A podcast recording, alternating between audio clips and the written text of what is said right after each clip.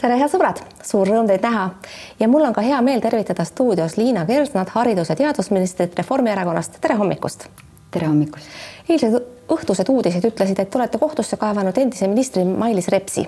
mille pärast siis täpselt hagi esitasite ja mida nõuate?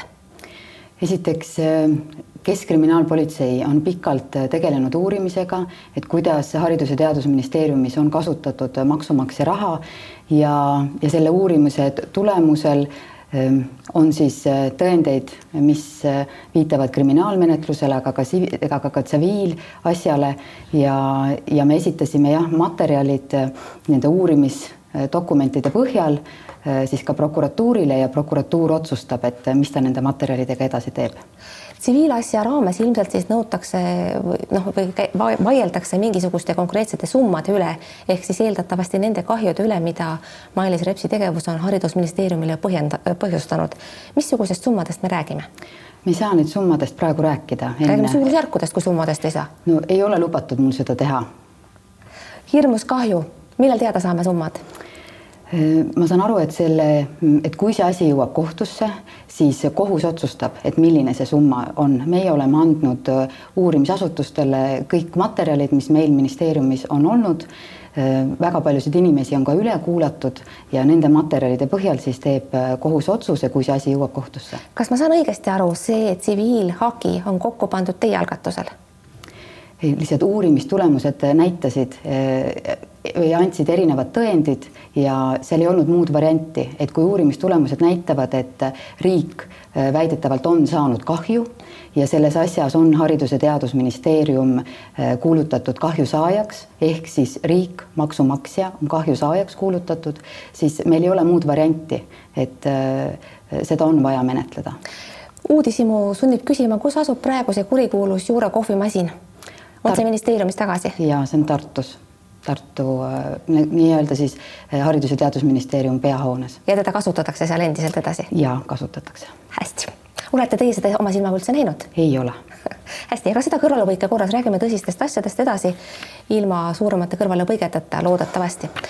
Te olete lubanud, et koolide lahtihoidmine on prioriteet ja kui ma eile õhtul selle teema peale mõtlesin, siis oleksin eilse seisuga veel küsinud, et võib-olla peate varsti oma sõnu sööma, kuid tänased uudised geenikooli kohta, mis juba ongi kinni läinud, näitavad, et juba te oletegi pidanud oma sõnu sööma. miks te käisite välja säärase lubaduse, mida täita võimalik ei olegi? ma ei ole mitte kunagi rääkinud seda, et mitte ükski kool mitte kunagi ei lähe distantsõppele sellepärast et äh, me teame, et kui on ju koolis kuuskümmend protsenti õpilastest haigussümptomitega, nii nagu geenis oli, siis loomulikult epidemioloogilises olukorras see kool on äh, oluline sulgeda, et need ahelad äh, katkestada. see, mida me oleme valitsuses lubanud, on see, et me ei pane lausaliselt koole kinni, nii nagu eelmise laine ajal sai tehtud, et meil oli kuude viisi olid koolid lausaliselt üle Eesti distantsõppel. vot seda me kindlasti tahame vältida ja me oleme öelnud, öelnud ka oma juhendis, et eh, need distantsõppele suunamised peavadki olema piirkondlikud, eh, lähtudes siis eh, piirkondlikust olukorrast. Ja ma muidugi olin eile ka tõesti väga kurb, et nii ruttu see esimene juhtum meil juba tuli, samas ma ei imesta, et see tuli just selles piirkonnas. Lõuna-Eestis mis seal Lõuna-Eestis üldse saama hakkab, seal on näitajad kõige halvemad ja on päris ilmne, et kui juba praegu üks kool peab uksed kinni panema, siis ei jääda selgesti ainsaks ja teised tulevad takkajärele, mis siis, mis siis saab? Me oleme tegelikult tõesti juba mitu nädalat näinud, et Põlva, Võru ja Valgamaa on äh, punases. kui meil Põlvamaal on äh, neljateistkümne päeva nakatumisnäitaja saja tuhande inimese kohta pea tuhat, Võrumaal pea üheksasada ja sealsamas Valgamaal, kus on geenikool, on pea kaheksasada ja samas äh, vaktsineerimise näitajad on seal madalad, siis see on ilmselge, et seal sellised asjad tõenäoliselt juhtuvad. Samas ähm, noh, mis annab natukene lootust, on see, et õpetajate vaktsineeritus ka Kagu-Eestis äh, on päris tubli, ka seal geenikoolis äh, olid äh, noh, valdav enamus õpetajaid vaktsineeritud, paar tükki ei olnud. Ja nii palju, kui mina olen direktoriga rääkides aru saanud, et see haigus tuli ka sisse täiskasvanud inimese kaudu, kes ei olnud veel vaktsineerimiskuuri lõpetanud. Hästi, kuid tänased lehed kirjutavad ka seda, et äh, vaktsineerimisega lähevad asjad ikkagi päris halvasti. suvel rääkisid siin mõned ametnikud küll laia suuga, et õpilaste vaktsineerimine ei olegi prioriteet. ma loodan, et teil oli seda valus kuulda, sama valus kui minul kuid teiegi olete kinnitanud, et see peaks olema prioriteet, aga ometi hoogu sisse see pole saanud. ehk seesama geenijuhtum ei saagi olla üllatus, see on täiesti loogiline tagajärg sellele kehvale tempole. Neid vaktsineerimisi koolides, millest te olete rääkinud, tehakse endiselt vähe ja maakoole on nende hulgas ainult viis ei, siiski esiteks jälle, kui vaadata nüüd Valgamaa andmeid näiteks, siis kui meil Eestis keskmiselt on kaheteist-viieteistaastaste seas esi-, vähemalt ühe doosiga vaktsineeritud nelikümmend kaks protsenti, siis Valgamaal alla kolmekümne protsendi. see on ju kohutav. see on väga-väga madal ja, aga ja kuueteist-seitsmeteistaastaste vahe on ka pea kakskümmend protsenti. aga mis me saime teha, et esiteks enne kooliaasta algust oli enam kui sajas haridusasutuses juba vaktsineerimise päevad. Neid oli tõesti rohkem kui sada haridusasutust ja me teadsime seda, et alates kooliaasta algusest koostöös Haigekassaga hakkavad koolides vaktsineerima kooliõed ja seda praegu ette valmistatakse, ma arvan, et lähiajal ka see noh, reaalselt vaktsineerimised hakkavad, sest et seal peab küsima lapsevanema nõusolek. kui seda valmistatakse praegu ette, siis tegelikult maja juba ammugi põleb, teie kustutate seal, ma ei tea, mingisugust aeda kõrval. kuidas ja. see võimalik on, et need ettevalmistused suvel tehtud ei saanud? Need et, me tegimegi suvel ettevalmistusi ja see, et, et meil kõigepealt oli üldse tõesti, nagu te väga hästi mäletate, arutelu selle üle, et kas me e, peaksime oma tähelepanu fokusseerima noortele. mina olin ka väga selgelt seisukohal, et me peame seda tegema, et me sügisel oleksime paremas olukorras. aga te ei kehtestanud ennast, tulemust tulemust ei ole? E, tegelikult e, tänu sellele, et, et ma kanna vastu maad lõin, e, me saime noorte vaktsineerimise plaani, me saime seda, et poolest augustist reaalselt olid väga paljudes koolides vaktsineerimiste päevad ja me saime kokkuleppe selles, et alates kooliaasta algusest hakkavad kooliõed kõikides üldhariduskoolides lapsi vaktsineerima, aga seal peab olema ka lapsevanema nõusolek, et see lihtsalt selle nõusoleku küsimine võtab veidikene aega. meil on kõikides üldhariduskoolides, välja arvatud kümnes äh, äh, Haigekassal leping äh, kooli tervishoiuteenuse osutamiseks ja, ja, ja nendega on kõik kokkulepped tehtud, et nad hakkavad vaktsineerima, neil on andmed olemas, neil on vaktsiinid olemas, et ähm, ma loodan, ma tõesti loodan, et lapsevanemad annavad nõusoleku laste vaktsineerimiseks, sest see on äärmiselt oluline selleks, et me saaksime hoida koolid lahti. praegu räägivad paljud äh, spetsialistid ja ametnikud ja ka poliitikud justkui ühest suust, et me peame õppima selle viirusega elama. ja see on ausalt öeldes jutt, millest äh, on pehmelt öeldes juba kõrini. ka tänased ajalehed juhivad tähelepanu sellele, et äkki selle jutu võiks ikkagi ka ära lõpetada, sest on ju ajaloost teada hulgaliselt näiteid viiruste kohta, mida me oleme vaktsineerimisega võitnud. miks peaks koroona kuuluma siis nende hulka, millest me jagu ei saa? No loomulikult meil on olemas relv, mida meil kevadel ei olnud, kui meil koolid olid lausaliselt distantsõpil. täna on meil olemas see lahendus ja samas, kui ma vaatan, Riigikantselei tegi ähm, avaliku arvamuse küsitluse ja me palusime, et sinna sisse saaksid ka lapsevanematele suunatud küsimused. kuuskümmend viis protsenti kaheteist kuni seitsmeteistaastaste laste vanematest ütlevad, et selleks, et koolid saaksid olla lahti, nad on nõus oma laste vaktsineerimisega. üheksa protsenti veel kaalub kaalub ja kakskümmend viis protsenti on kategooriliselt vastu. see tähendab, et tegelikult äh, valmisolek äh, suuremaks vaktsineerimiseks meil on, meil on täna ju kaksteist pluss vanuses äh, esimese doosiga vaktsineeritud veidikene alla viiekümne protsendi Eestis keskmiselt, nii et seda kasvuruumi veel on ja ma tõesti loodan, et koolikeskkondades lapsevanemad annavad nõusoleku ja saab mugavalt ja kiirelt lapsed ära vaktsineerida. mida saate teie omalt poolt teha, et nende nõusolekute arv oleks suurem? kool tegelikult ju peaks olema kõige turvalisem koht mm. -hmm. aga kui mina lapsevanemana saadan lapse kooli, mul ei ole mingisugust kindlust, et õpetaja on vaktsineeritud, et klassikaaslased on vaktsineeritud ja ma pean tunnistama, see häirib mind. ma arvan, see häirib väga paljusid lapsevanemaid. mida siin ikkagi saab teha? Esiteks äh, me koostasime lapsevanematele sellise informeeritud nõusoleku vormi, mis me püüdsime hoida hästi objektiivse, tasakaalukana, et ei üks ega teine pool ei tunneks ennast survestatuna, et tõesti sellega, sellega tehti tööd. Ja ma usun ka, et, et kuna koolides on toimunud ka varem vaktsineerimisi, see on olnud äh, kooliõe ülesanne, siis, siis vast, vast see läheb äh, sujuvalt samas ma näiteks ütlen, et teie muretsete niipidi, et ei ole vaktsineeritud kas õpetajad või, või teised lapsed. samas meil on reaalselt juhtumid, reaalselt koolis on juhtumid, kus lapsevanemad keelduvad oma last kooli viimast sellepärast, et õpetaja on vaktsineeritud või et klassikaaslased on vaktsineeritud. meil on ka selliseid lapsevanemaid. ma olen sellest kuulnud, kuid kuidas, kuidas sellega toimetada, minul vajuvad käed jõuetult rüppe, aga mis siin sellises olukorras üldse lahendus on, kui neid inimesi on piisavalt palju, siis, siis ei olegi seda pandeemiat ju võita võimalik ja nagu me, nagu andmed praegu ütlevad et, et kakskümmend viis protsenti lapsevanematest on sellisel seisukohal, et nad keelduvad oma last vaktsineerimast. noh, käitumisteadlased ütlevad seda, et, et nende inimestega tulebki võtta aega, tulebki võtta aega, et kuulata nende hirme, rahulikult vastata ja, ja ma arvan, et me neljapäeval kindlasti valitsuses arutame ka seda, et tõenäoliselt peame me minema tagasi perearstide juurde, et ja pakkuma neile siis kuidagi kas lisarahastust selleks, et neil oleks aega inimestega rääkida. kuidas äh, praegu on kord siis koolides ja kuidas hakkab see olema õpetajate puhul? õpetajaid ju keegi otseselt ei saa sundida vaktsineerima, kuigi meil on näited, et näiteks kiirabis hakatakse lahti inimesi, kes ennast vaktsineerimast keelduvad ja selle otsusega panevad ohtu siis neid inimesi, keda nad saaksid meedikutena aidata. ja sama suhtumine on võetud ka politseis, kas võiks olla, et ka koolides minnakse seda rigoroossemat teed pidi mm. -hmm. meil iseenesest üldhariduskoolides enam kui kaheksakümmend protsenti on tänaseks vaktsineeritud.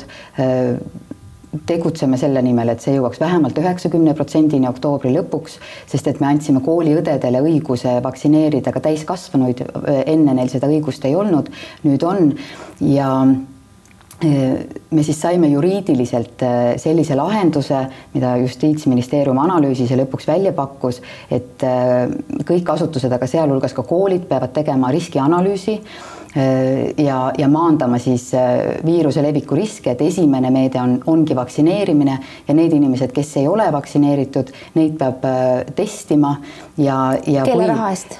meil on praegu Terviseameti laos olevad testid, mis me oleme siis koolidesse juba välja jaganud. tähendab, õpetaja, kes keeldub vaktsineerimast, testib iga hommik, igal ennast igal hommikul ja seda Terviseameti varudest siis jah, eh, kas nüüd iga hommiku seda ütleb riskianalüüs, meie oleme öelnud, et minimaalselt üks kord nädalas eh, peaks vaktsineerimata õpetaja ennast testima, aga kui kooli riskianalüüs ütleb, et seda peaks tehe, tegema tihedamini, siis seda võib ka teha tihedamini. kas kooli direktoril on õigust vabastada ametist õpetaja, kes vaktsineerimast keeldub ja sellega paneb ohtu siis kaastöötajate ja õpilaste elu ja tervise?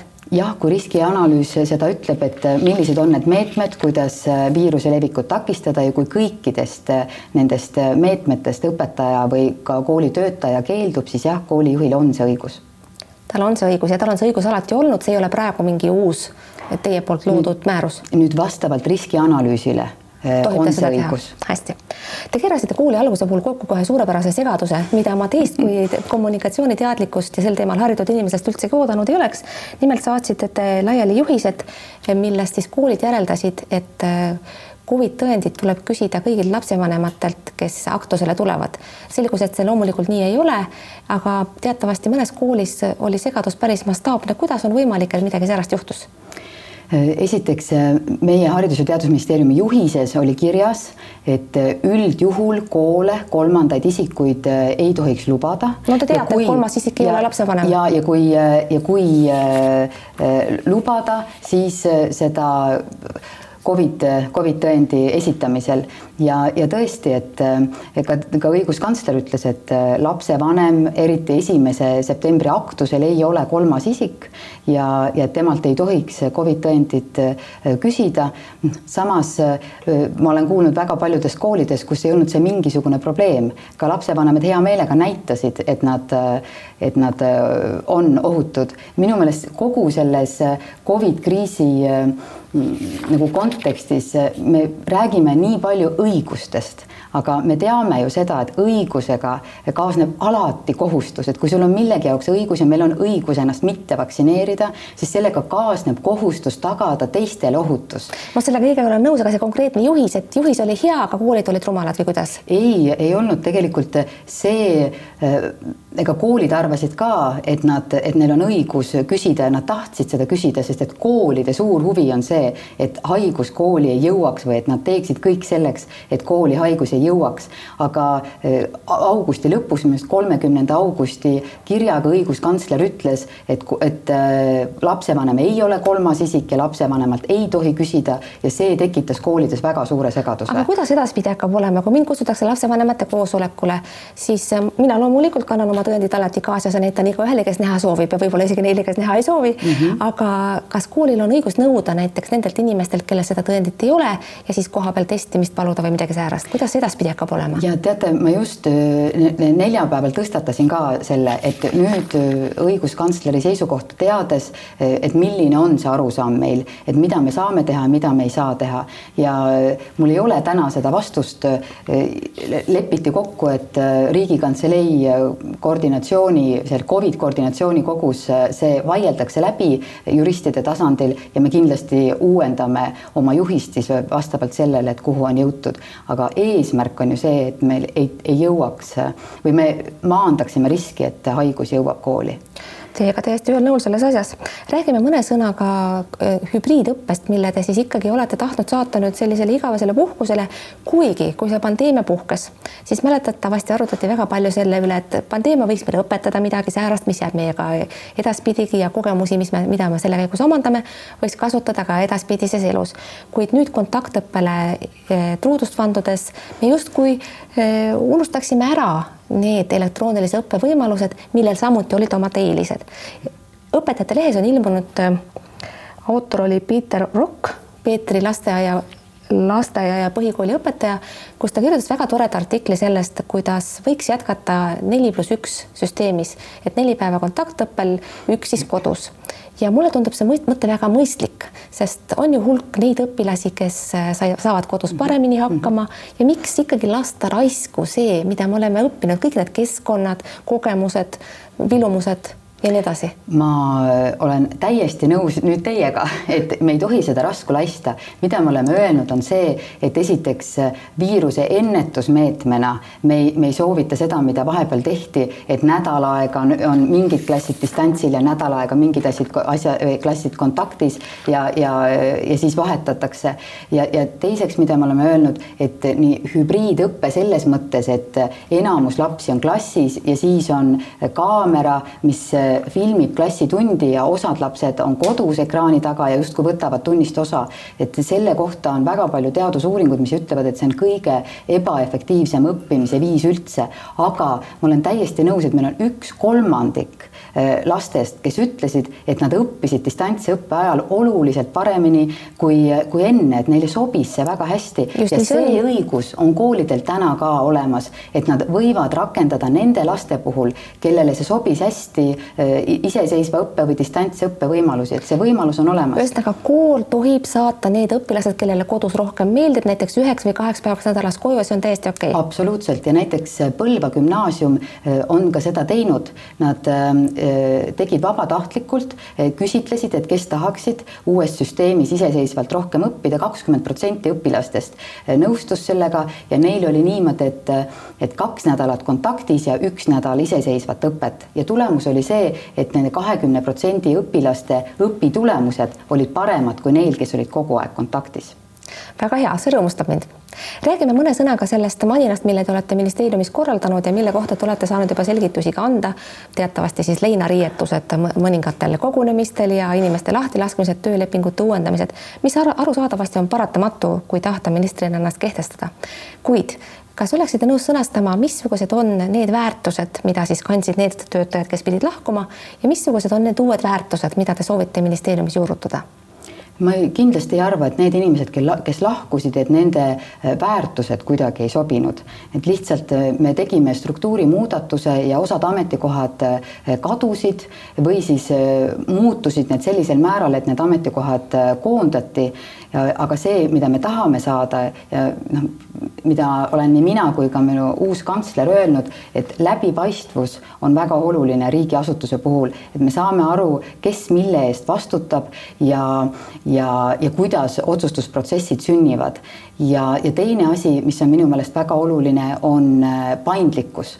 et siin kriisi ajal ma olen näinud ka seda, et, et kui meil on akuutne probleem, aga inimesed tegelevad oma tavapäraste äh, ülesannetega, aga meil on vaja praegu akuutset probleemi lahendada, et siis, et meil see süsteemis oleks selline paindlikkus, et inimestele saab anda kiiresti uusi ülesandeid ja nad saavad äh, pakkuda sobivaid lahendusi. kas kõik uksed on tänaseks ära paugutatud või tuleb veel paugutamisi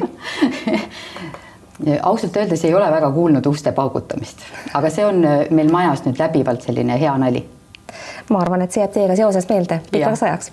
räägime paar sõna ka õpetajate palga tõusuks, olete mhm. seadnud eesmärgiks tõsta õpetajate palka siis saja kahekümne protsendini keskmisest palgast. ja praegu ma saan aru, on see alles ilus helesiline eesmärk kuskil tulevikus. kui kaugel te sinnamaani jõudmisega olete, millal te võite lubada, et nii lähebki? Meil on tõesti õpetajate palgaga toimunud äh, väga suur tagasiminek ja ma arvan, et see võiks olla õpetuseks kõikidele järgnevatele valitsustele. et äh, me oleme, mitte mina ei ole lubanud, vaid me oleme ühiskonnana kokku leppinud kuskil viis aastat tagasi, et õpetajate keskmine palk peaks olema sada kakskümmend protsenti riigi keskmisest ja, ja iga aasta selle poole ka liiguti, näiteks aastal kaks tuhat kakskümmend oli juba sada kaksteist protsenti õpetajate keskmine palk riigi keskmisest, aga siis eelmine valitsus otsustas õpetajate õpetajate palka mitte tõsta, aga samal ajal keskmine palk liikus väga kiiresti eest ära. nii et täna oleme me olukorras, kus õpetajate keskmine palk on alla riigi keskmise. Alla riigi keskmise, me oleme nüüd ju praegu riigieelarve strateegias kokku leppinud kolmeprotsendise palgatõusu ka siis on ta jätkuvalt alla riigi keskmise, nii et selleks, et teda saada äh, riigi keskmisega võrdseks või natukene suuremaks, on meil vaja tõsta kokku vähemalt üheksa protsenti palka ja, ja see on äh, pea nelikümmend miljonit eurot. Ja, ja noh jah, tegelikult. Äh, millal te selle ära siis toote õpetajate jaoks? vähemalt no, sellegi? ja no järgmine nädal me alustame riigieelarve aruteludega ja kindlasti on õpetajate palk üks oluline teema, et, et minu meelest oleks õiglane tõsta õpetajate palk sellele samale saja kaheteistkümnele protsendile riigi keskmisest. see läheb maksma kuuskümmend neli miljonit lisaks praegu tehtud otsustele. Aga noh, mi-, minimaalne on see, et ta peaks olema veidikene üle riigi keskmise. ühesõnaga, ma saan aru, täna mingit lubadust vabadust ei tule. kas on natukene kõne all olnud ka normkoormuse vähendamine? et Lauri mm. Leesi on aastaid kõnelenud, et õpetaja suudab tegelikult päevas anda maksimaalselt neli tundi kvaliteetselt ja neljas ei ole enam nii kvaliteetne kui esimesed kolm. teatavasti normkoormus on praegu kuskil siis kakskümmend kaks, kakskümmend kolm, kakskümmend neli tundi nädalas. kakskümmend üks. noh, jah mm, -hmm. aga antakse no, ka rohkem, mõned, mõnel pool ja. rohkem. et Leesi leiab, et see võiks väheneda, kuidas teie meelest lugu on? neli tundi päevas. õpetajate järelkasvu äh, erinevad töörühmad nii äh, Riigikogus kui ka ministeeriumis, mis kokku kutsuti, kõik tõstatasid selle õpetajate äh, tunnikoormuse temaatika. Äh, ma palusin arvutada ministeeriumis, et mida see tähendaks, kui me näiteks äh, mada- või alandaksime õpetajate tunnikoormust kahekümne esime-, kahekümne ühel, kahekümne ühelt tunnilt viieteistkümnele tunnile, siis see läheks maksma sada kakskümmend miljonit ja meil oleks kohe juurde vaja neli tuhat kaheksasada uut õpetajat noh, me teame, et meil täna ei ole seda kusagilt võtta, aga minu meelest me peaksime liikuma samm-sammult sinna juurde, sinnapoole ja alustama alustavatest õpetajatest, et alustavatel õpetajatel oleks madalam tunnikoormus, sest mida me näeme, et me näeme, et noored tahavad tulla õpetajaks õppima.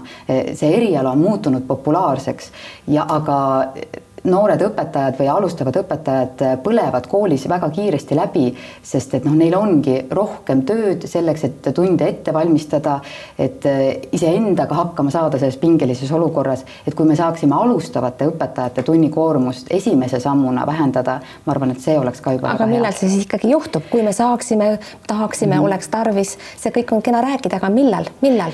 Eh, me, ma rääkisin seda mõtet kultuurikomisjoniga just nüüd hiljuti õpetajate järelkasvu järelkasvu temaatikaga ja siis ka nemad toetasid seda mõtet, ma arvan, et me saame selle ära teha järgmisel aastal. hästi Liina Kersna, viimane küsimus, te ei kandideeri kohalikel valimistel, ma kiidan seda otsust, sest minu meelest minister ei peakski seal peibutuspardina esinema, kuna ta ju niikuinii volikogusse ei lähe. aga miks te ei tee oma erakonnakaaslastele selgeks, et äh, on inetu minna sinna lihtsalt niisama hääli püüdma ja valijaid petma? Ma arvan, et väga palju äh, valitakse siiski äh, brändi ja maailmavaadet aga mina ei, ei kandideeri eelkõige sellepärast, et mul tõesti on hommikust õhtuni päevad väga täis. haridusvaldkonnas on jätkuvalt kriis ja ma olin aus enda ja teiste suhtes, et mul ei ole aega tegeleda praegu kampaaniaga. aga miks te ei ütle erakonnakaaslastele, teie ei kandideeri ja Kaja Kallas ei kandideeri, aga teised kandideerivad, miks te ei ütle, ärge tehke nii, see on nõme? ei, ei ole olnud meil selliseid vestlusi. Liina Kersna suur,, suur-suur tänu, et tulite stuudiosse, head sõbrad, aitäh, et vaatasite. Saadet saab veebis järele vaadata nagu ikka, olge vahepeal terved järgmise saateni, tublid, kuulmiseni, nägemiseni